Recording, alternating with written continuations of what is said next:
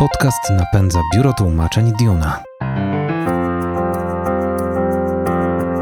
Przetłumacze. Podcast o tłumaczach, tłumaczeniach i językach. Witam serdecznie.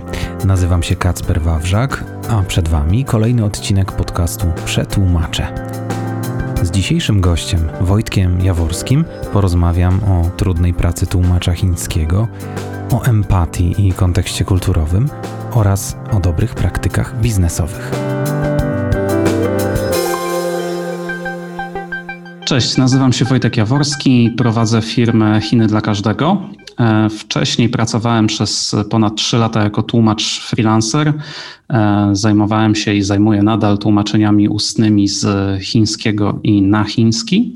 Natomiast w tym momencie mamy takie trzy główne um, ścieżki, czy też trzy główne branże um, poza samą, samymi stricte usługami językowymi, czyli tłumaczenia, doradztwo i marketing. Wydaje mi się, że Wojtku zapomniałeś wspomnieć o tym, że jesteś również e, gwiazdą telewizji, bo przeglądając Twój profil doszukałem się informacji, że brałeś udział e, w chińskim reality show. To jest bardzo ciekawe i chciałbym, żebyś powiedział parę słów na ten temat. Mhm. Powiem ci, że zastanawiałem się, czy, czy o to zapytasz, bo to jest dosyć, to faktycznie ten reality show to jest, to jest dosyć interesujący wątek faktycznie. Otóż nie powiedziałbym po pierwsze, że jestem, wiesz, gwiazdą e, chińskiej telewizji, bo to e, tak hucznie naprawdę brzmi. Natomiast faktycznie w 2014 czy 2015 roku, to już ładnych parę lat temu było, brałem udział w mm, chińskim programie telewizyjnym, wtedy będąc jeszcze na stypendium e, w Chinach, który się nazywał po chińsku i spokojnie, zaraz przetłumaczę, e, Hanyu Jiao, czyli chiński most, 我与中国第一次亲密接触, czyli um, moje pierwsze intymne spotkanie z Chinami. No i cóż, e, nazwa nie jest jakoś specjalnie fortunna, to znaczy nawet e, śmieszkowali sobie, ja, proszę wybaczyć mi, bo troszkę ja, ja będę troszkę kolokwializmów używał, bo wydaje mi się, że e, tak jest luźniej e, i, i mimo tego, że tematy będą e, przeróżne, tym niemniej e, wracając. Um, nazwa niekoniecznie fortunna, ale o co chodziło? Generalnie chiński most to jest taki konkurs organizowany przez Chińskie Ministerstwo Edukacji już od ładnych kilkunastu bądź nawet kilkudziesięciu lat.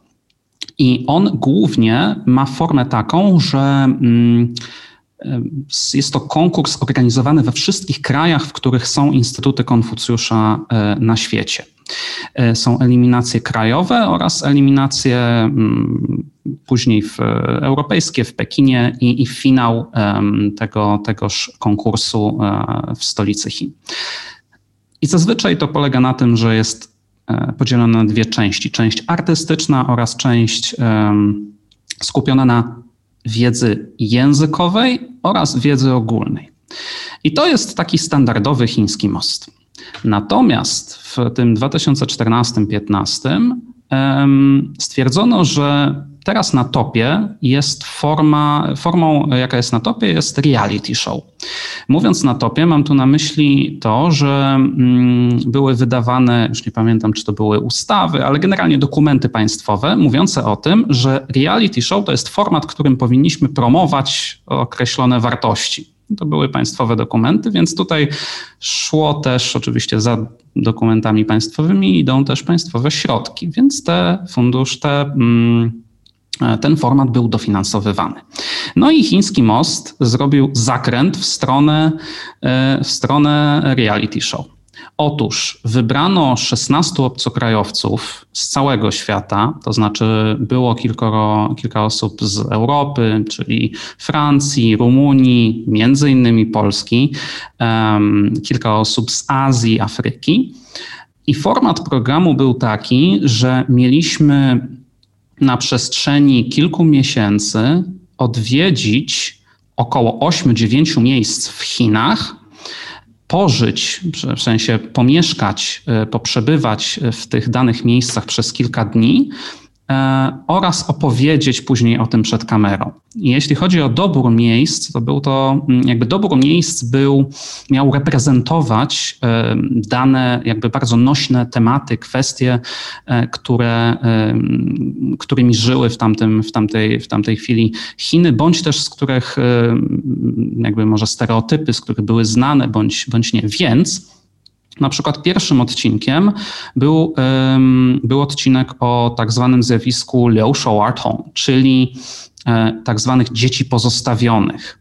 E, otóż wysłali nas do wioski w, w prowincji Guizhou e, na, na, na południu Chin, oddalonych o jakieś 2-3 godziny od najbliższego miasta. I w tej wiosce e, mieszkaliśmy sobie z, mm, z dziećmi, których rodzice pojechali w cudzysłowie za chlebem na wybrzeże. Zazwyczaj jednak na wybrzeżu Chin jest, jest tej pracy więcej, tam są ulokowane fabryki i te dzieci e, mieszkały z, e, z dziadkami najczęściej. Więc w moim przypadku e, przez trzy dni przebywałem w domu e, bez bieżącej wody. E, prąd tam chyba był, ale umówmy się, że tylko po to, żeby oświetlać to, to, to, to domostwo. E, z chłopakiem, który miał 10-11 lat i jego dziadkiem, który miał ponad 80 i tak naprawdę mm, zastanawiałem się, kto się kim opiekuje, no bo mm, ten, ten, ten chłopak naprawdę, e, kolokwialnie mówiąc, ogarniał wszystko, to znaczy e, i jedzenie przygotowywał, budził nas, na przykład obudził nas o 4.30, żeby przy, przygotował się nam śniadanie, ryż, jajecznicę i tak dalej. E, natomiast jakby od razu tutaj e, postawię gwiazdkę, bo podejrzewam, że część słuchaczy może pomyśleć, no dobra, wybrali wam jakieś, e, jakąś propagandową wioseczkę, pokazali laurkę i, i właściwie no fajnie, nie? Jasne. My byliśmy trzecią e, do pewnego stopnia, no bo my byliśmy, z tego co się kuluarowo dowiedziałem, my byliśmy trzecią ekipą e, telewizyjną, która do tej konkretnie wioski dotarła, więc wiadomo, że trzeba było wziąć dużą poprawkę na to, co widzimy, jak to jest nam przedstawione, ponieważ show był, i tutaj jest ważne, produkowany na potrzeby wewnętrzne, to znaczy to był jakby Chiny, moje pierwsze, jakby chiński most, moje pierwsze intymne spotkanie z Chinami. Czyli Chiny oczami obcokrajowców. Patrzcie, te, te, te Chiny są jakby obcokrajowcy mówią, mówiący po chińsku, opowiedzą wam, jak, jak wyglądają te Chiny. Taki był format, takie było założenie. To wszystkich ciekawi, nas, nas też ciekawi przecież ta perspektywa e, naszego kraju, jak odbijamy się właśnie mm, w lustrze innych narodowości. E, chciałbym, żebyśmy skręcili e, w stronę doświadczeń, które wyniosłeś stamtąd, które później przydały ci się w pracy z językiem, w pracy, e, w pracy tłumacza. Wyobrażam sobie, że, mm, że takie przeżycie, mm, taki pakiet, który odebrałeś mm, w trakcie udziału w tym programie, to bardzo bogaty zestaw przeżyć, doświadczeń, które później -hmm. gdzieś można wykorzystywać. No powiem ci tak, e, jak najbardziej. No to był ogromny kapitał, który, e, który później procentował mi przez i procentuje nadal mm, przez, przez kolejne lata życia zawodowego, ponieważ tak, jakby patrząc na to z lotu ptaka, ja pojechałem do Chin po dwóch latach nauki chińskiego i to nie na kierunku stricte e, lingwistycznym, ponieważ to, co studiowałem, to były, wtedy jeszcze nazywało się kulturoznawstwo dalekowschodnie, teraz to, jest, to są studia azjatyckie w Krakowie na, w Instytucie Bliskiego i Dalekiego Wschodu. I to udział w tym programie to były 4-5 miesięcy wytężonej pracy mm, i podróżowania po całych Chinach tak naprawdę i poznawania e, tego kraju i jego mm, konkretnych wycinków e, od środka. I to tak faktycznie od środka, no bo jakby wiadomo, że końcowy produkt był, no właśnie, końcowy jakby wynik tego, tego, tej, tej produkcji, no to był jakiś, że tak powiem, ociosany, ale to, jakie doświadczenie tam zebraliśmy, no to jakby w nas zostaje. E, odbijając troszkę to, to, to pytanie, odnosząc się do niego, e, powinienem tak naprawdę opisać, czy powiedzieć trzy, trzy słowa o innych miejscach, w które pojechaliśmy, no bo tak, abstrahując już od tej wioski, w, w, na południu Chin, to inne odcinki były między innymi o strażakach w Pekinie, o chińskich podróbkach, czyli taki, pojechaliśmy sobie do, do Shenzhen i był e, temat pod tytułem e, Czy Chiny są innowacyjne? Czy Chińczycy są innowacyjni?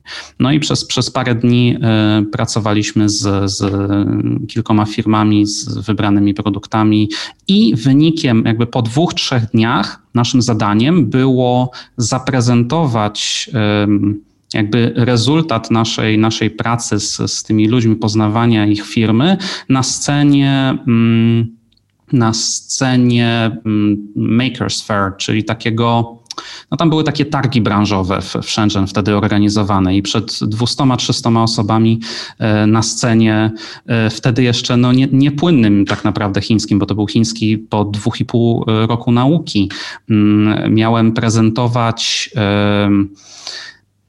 prezentować urządzenie, które służyło do analizy mm, fal mózgowych e, i było połączone z, z, z aplikacją do, do gier, do relaksacji i tak dalej, i tak dalej. Jakby mega, bardzo wymagające językowo, to z jednej strony, a z drugiej mm, jakby wytrzymałościowo, w tym sensie, że praca po nocach, duże wyzwanie, to nas mm, jakby to nas konfrontowało i od razu rzucało na głęboką wodę też jeśli chodzi o, mm, o to, żeby ogarnąć głową, ogarnąć umysłem wycinek dany e, w bardzo krótkim czasie Chin, e, językowo w pierwszej kolejności, w drugiej e, powiedzieć coś, co jednocześnie będzie zgodne z tym, co, no bo żadne z nas nie chciało jakby tworzyć, tworzyć propagandy.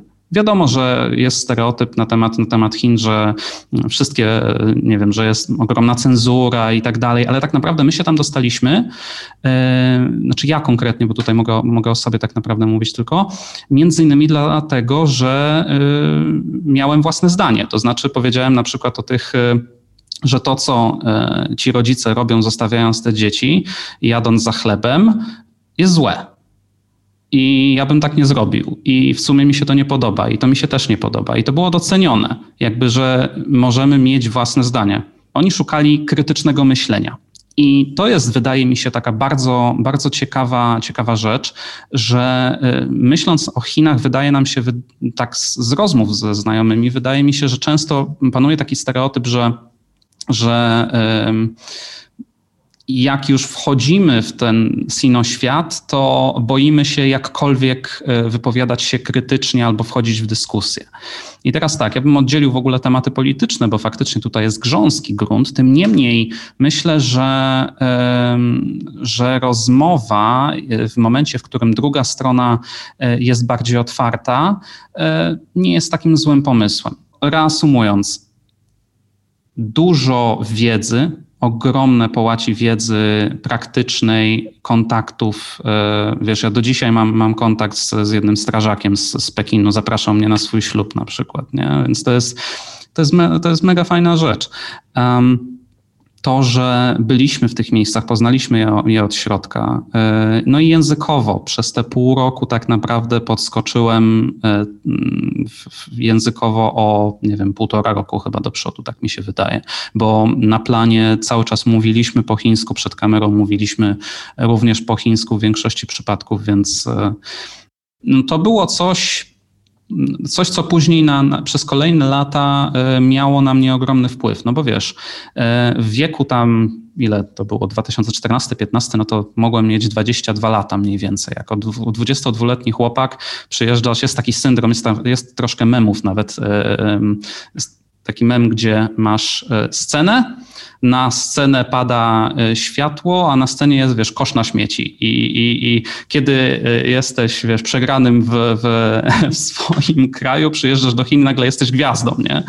Nie mówię, że w moim przypadku tak było, bo z całkiem dobrymi wynikami wyjechałem z, z kraju, tym niemniej jakby, wiesz, jest taki syndrom, że e, jak przyjeżdżasz do Chin, to nagle jesteś, jesteś gwiazdą i, i tak dalej. Tutaj jakby potrafi uderzyć woda sodowa do głowy troszkę.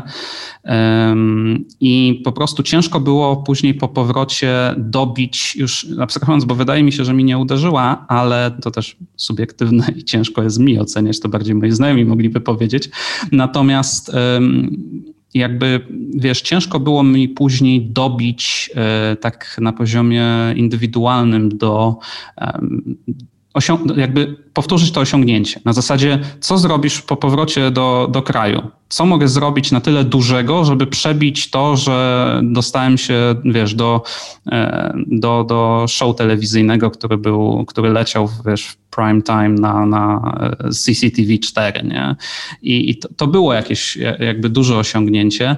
Mm, no i nie ukrywam, że paradoksalnie to trochę nawet y, długoterminowo utrudniło rozwój, nie? No bo y, mam taki charakter, że raczej wolę sobie, wiesz, ustawiać cele i czy, czy w ogóle przebijać jakieś osiągnięcia, cały czas iść do przodu.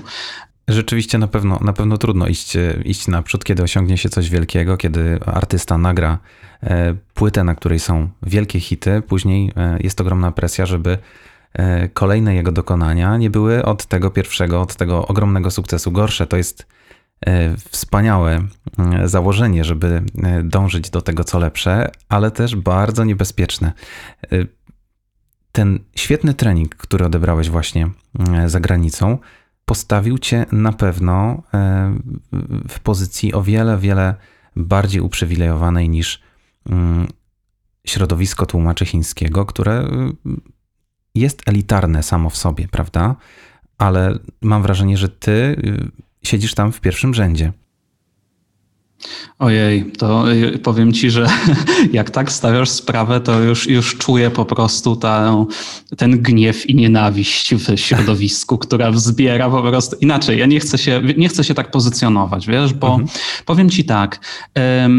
W tym momencie na przykład w Chiny dla każdego ja językowo jakby zatrudniam ludzi, którzy są językowo lepsi ode mnie. Ja językowo głównie zajmuję się w tym momencie kontrolą jakości i y, sprawdzaniem ze względu na to, że wiesz, pracowałem, y, do czego pewnie za, za chwilkę też, też przejdę w, jako ten tłumacz y, ustny, pisemny, ale głównie jednak ustny przez, przez te lata. Natomiast jakby ja nie jestem z wykształcenia lingwistą, wiesz, i to, to naprawdę potrafi zrobić, zrobić różnicę. Natomiast wiem, jakby przez te doświadczenia, które, które złapałem, czego klient potrzebuje, czego klient wymaga, na co zwracać uwagę. I wydaje mi się, że to długoterminowo jest e, coś, co chciałbym jeszcze mocniej rozwijać, żeby odpowiadać po prostu na potrzeby osób, które, które szukają takich, e, takich tłumaczy, ze względu na to, że one są bardzo specyficzne. E, I osoba, która jest, która zajmuje się tylko językiem, rzadko kiedy ma w ogóle czas na to, żeby żeby wiesz, postawić się w butach, e, w butach klienta.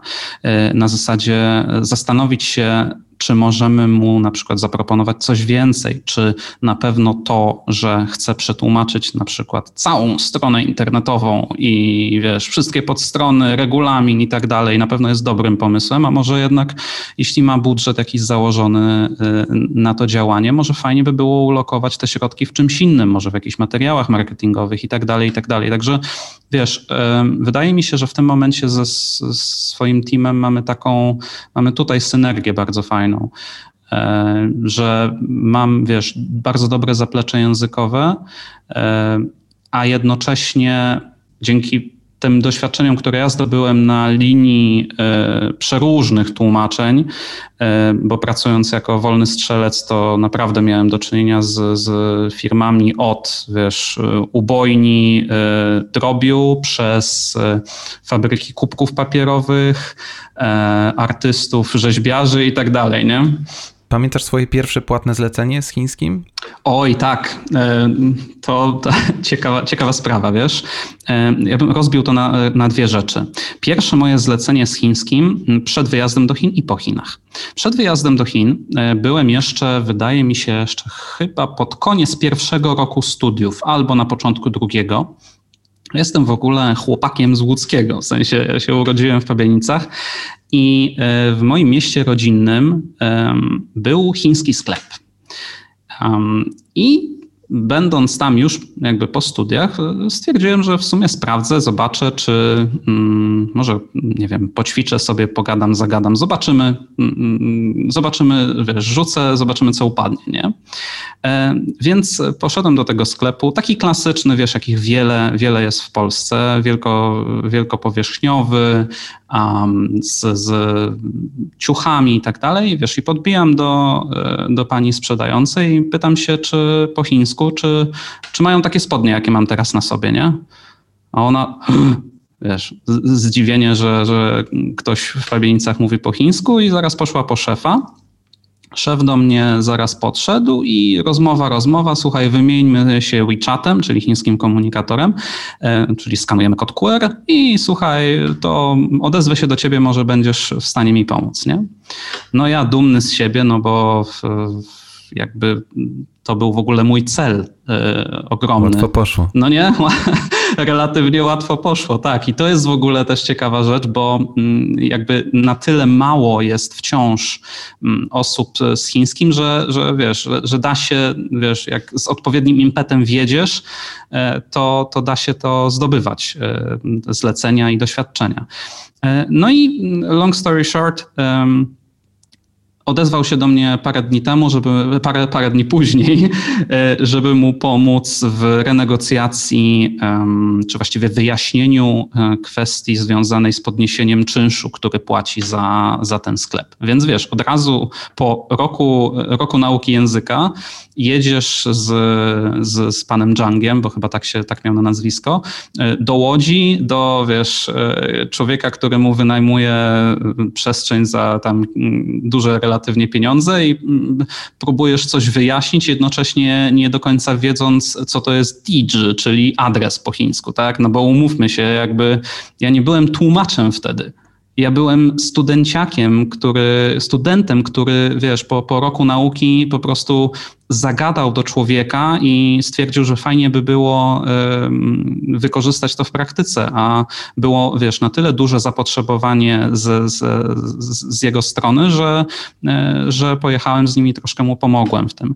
To było, wiesz, bardziej na zasadzie koleżeńskiej, no bo on mnie później tam na, na obiad zaprosił, y, pomógł troszkę poćwiczyć język i jakieś wiesz, na ten, jak patrzę na to z tej perspektywy, to symboliczne pieniądze mi zapłacił, no ale i tak zapłacił, tak? Gdzie, wiesz, e, no umówmy się, ale to nie był język, jakby pomogłem im faktycznie, no bo wspomagając się słownikiem i, i tak dalej, no to byłem w stanie i tak więcej zdziałać niż on, e, niż on, wiesz, sam. I okej, okay, tutaj postawmy kropkę, drugie zlecenie, które jest jeszcze, wydaje mi się, ciekawsze. Bo, po Chinach. E, po Chinach, tak. Mhm. E, po powrocie z, z, z, chińskiego mostu, ze stypendium w Szanghaju, um, byłem jeszcze na takiej fali pod tytułem Szukam Chińczyków w Polsce, muszę działać, muszę mieć kontakt z językiem.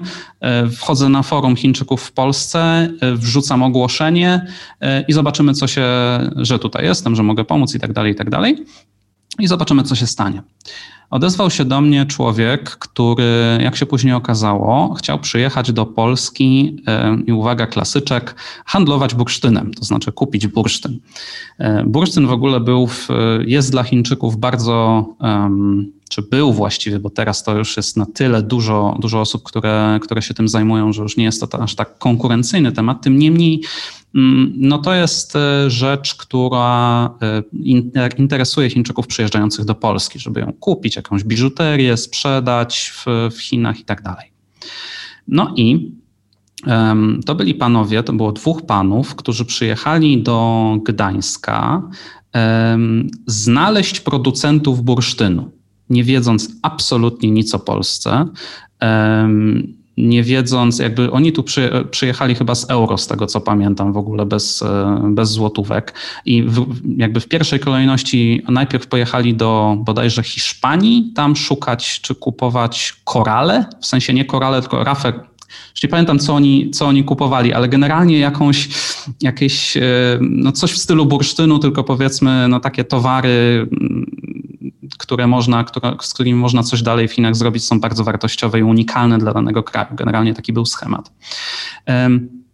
No i oni mnie wynajęli na bodajże 5 dni. Um, I wtedy zgodziłem się na to, żeby z nimi mieszkać w jednym hotelu, bo oni to zaproponowali, znaczy w jednym hotelu, w jednym pokoju, przepraszam. E, I to był, e, no bo zazwyczaj jakby procedura jest taka przy wszystkich e, zleceniach takich wyjazdowych, że no, towarzyszymy takiej, takiej delegacji od początku do końca, znaczy od rana do wieczora, bo ja pracowałem też jako, jako przewodnik później przez, przez lata, głównie dla delegacji rządowych ale wtedy to był błąd o tyle, że no wiesz, praca się nie kończyła, tak? A e, ja będąc zielonym e, i zgodziłem się, wiesz, na no tam pomożesz nam i tutaj wchodzi duża różnica kulturowa i, i rzeczy, na które trzeba, wydaje mi się, bardzo uważać w, jako, jako osoba pracująca dla, dla chińskiej strony, że ja tam nie byłem, znowu, ja byłem językowcem, tak, ale z dodatkami. To znaczy, oni mnie prosili o to, żebym pomógł im dotrzeć do producentów, tak, czyli um, przeszukaj fora, e, napisz do ludzi. Generalnie można by powiedzieć, zbieraj lidy e, e, korpomową i, i, i, nagraj nam spotkania, tak. E, więc to było wszystko, wszystko naraz tak naprawdę, nie tylko stricte tłumaczenia, bo oni tu przyjechali tak naprawdę na zero. Byłeś przewodnikiem już wtedy, e, później stałeś się mm, przewodnikiem e, bardziej oficjalnie, przewodnikiem delegacji, ale tak wtedy, jak, jak i później, myślę, że e, byłeś twarzą naszego kraju, byłeś odpowiedzialny za, za to, jak, jak oni zrozumieją Polskę, jak, jaka Polska im się wyda na pierwszy rzut oka. Czy czułeś e, tę ogromną odpowiedzialność, która na Twoich barkach spoczywała? I tak wtedy, właśnie przy tym pierwszym zleceniu po powrocie z Chin, przy kolejnych, no a y, na koniec przy obsłudze oficjalnych delegacji. Hmm, powiem ci, że jak w, tak, w taki sposób to ujmujesz, to jest to dosyć duża presja, ale nie, masz rację. To znaczy w tym sensie, że y, jakby jest odpowiedzialność na nas, jak, jako, czy to oprowadzamy, czy wchodzimy w kontakt. Mm, I ja zawsze się starałem, i tutaj powiem Ci, że miałem troszkę zgrzytów przez, przez te lata, kilka było. Starałem się pokazywać same superlatywy, znaczy inaczej, mówić też, nie, nie to, że 100% o samych rzeczach, ale skupiać się jednak na pozytywach, tak? I mówić relatywnie prosto, skupiać się, wiesz, na takim e, locie ptaka. Uczyłem się. E, od tego, jakby uczyłem się od chińskich przewodników, bo słuchałem też, jak Chińczycy opowiadają o Polsce i na co kładą nacisk i czego y, odbiorcy chcą słuchać. Czyli powiedzmy, nie wiem, no taki klasyk w ciągu pierwszych 10 minut od momentu, gdy, mm, gdy odbierałem delegację z, z lotniska, no to y, na pewno mówiłem o y, jakby krótką historię Warszawy, no bo to zazwyczaj była, była jednak Warszawa, kontekst tego, że, że miasto było wiesz, odbudowane i tak dalej, ale również mówiłem o na przykład średnich cenach nie, za metr kwadratowy nieruchomości w, w, centrum, tak? bo to były tematy, które ich bardzo, bardzo interesowały e, i dawały im pojęcie, e, od razu mogłem to odwołać do, do Chin, do prowincji, z której, z której się wywodzili, bo jednak temat e, wiesz, cen mieszkań to jest dosyć no, gorąca rzecz.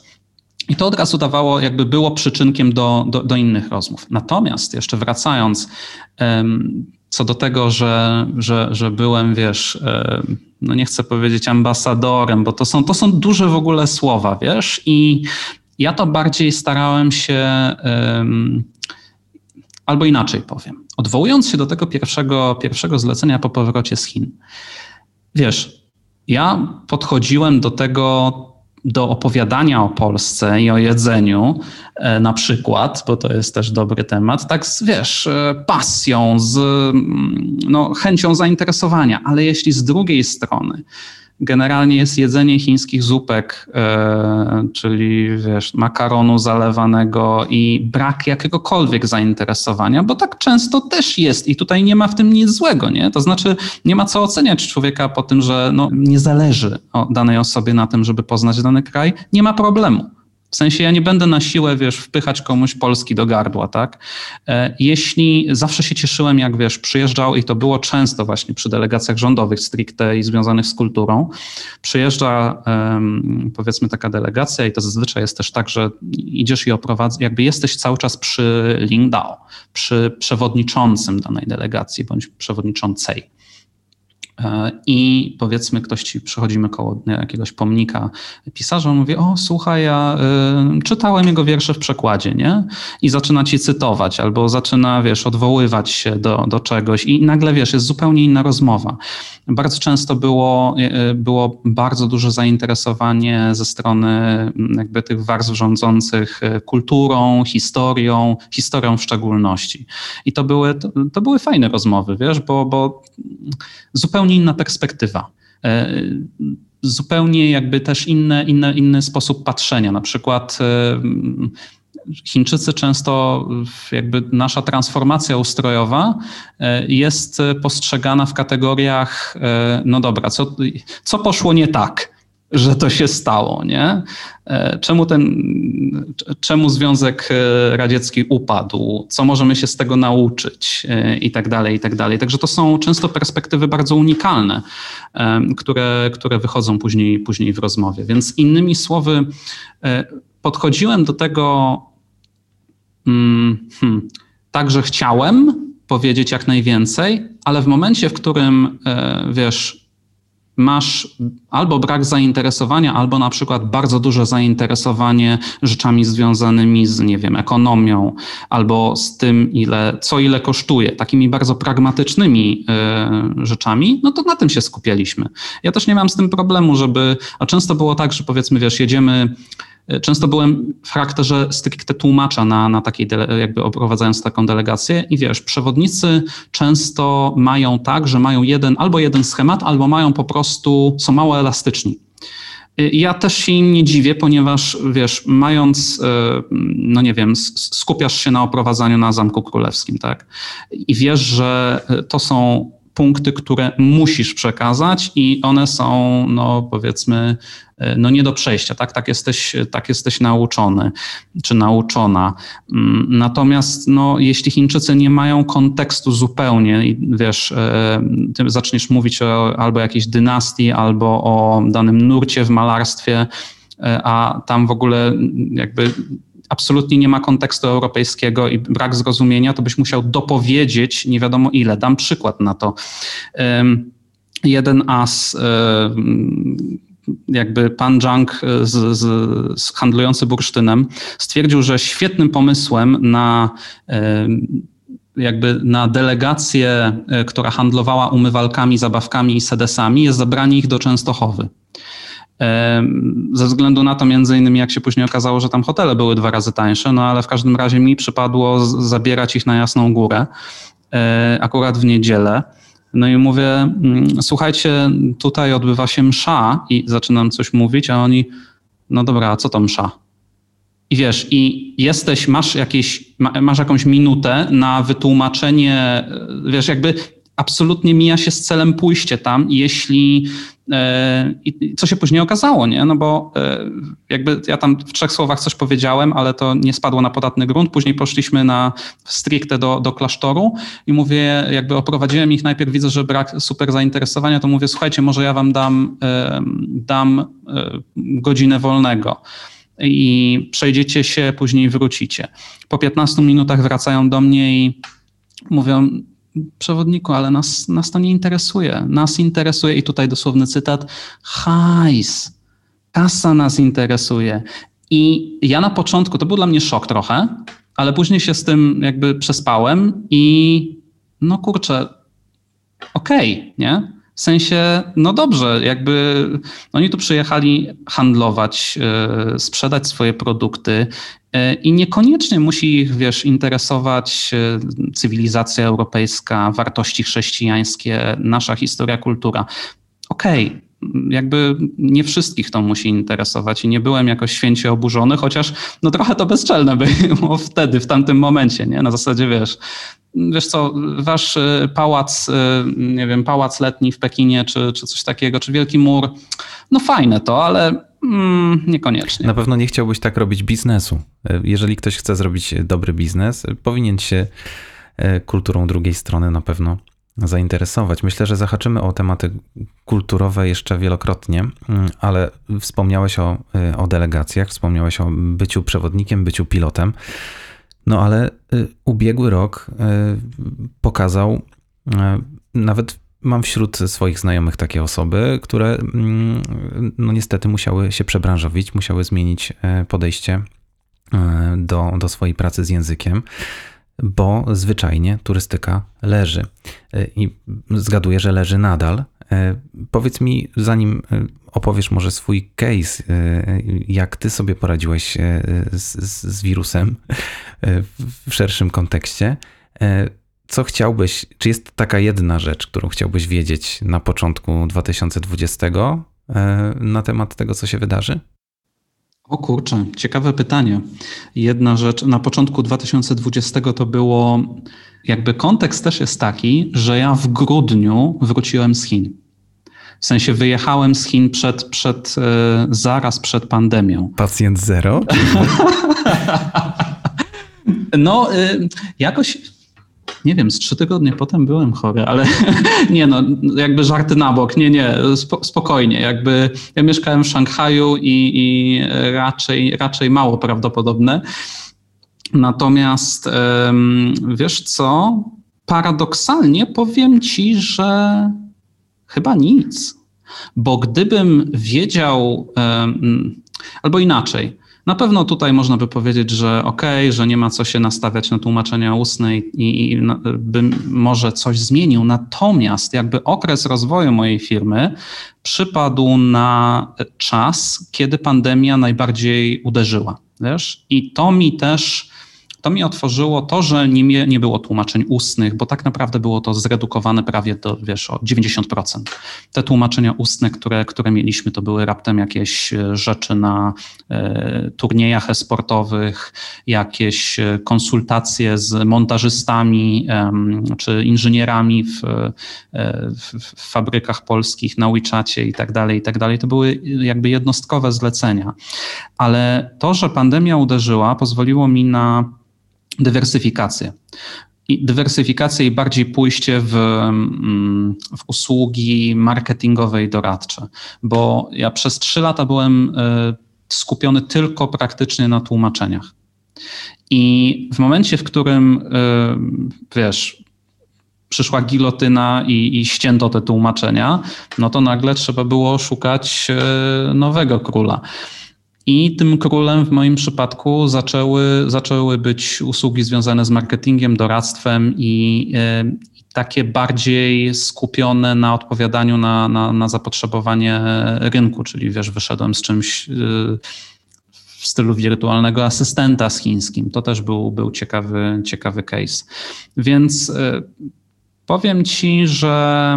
Mm, na pewno chciałbym wiedzieć, że, że nie będzie tych tłumaczeń na, na, na początku 2020 roku, ale kto wie, czy jakbym to wiedział, to, to bym nie był w tym miejscu, w którym jestem, więc e, wiesz, cieszę się, że, że przeszedłem przez, e, przez tę przez tę ulewę. Jest takie chengyu, takie, takie przysłowie chińskie, e, mówiące o tym, że nie jesteś w stanie zobaczyć żeby zobaczyć tęczę, to musisz przejść przez burzę i wiatr. Generalnie o to chodzi. No, klisza straszna, ale, ale coś w tym jest. Koniec części pierwszej.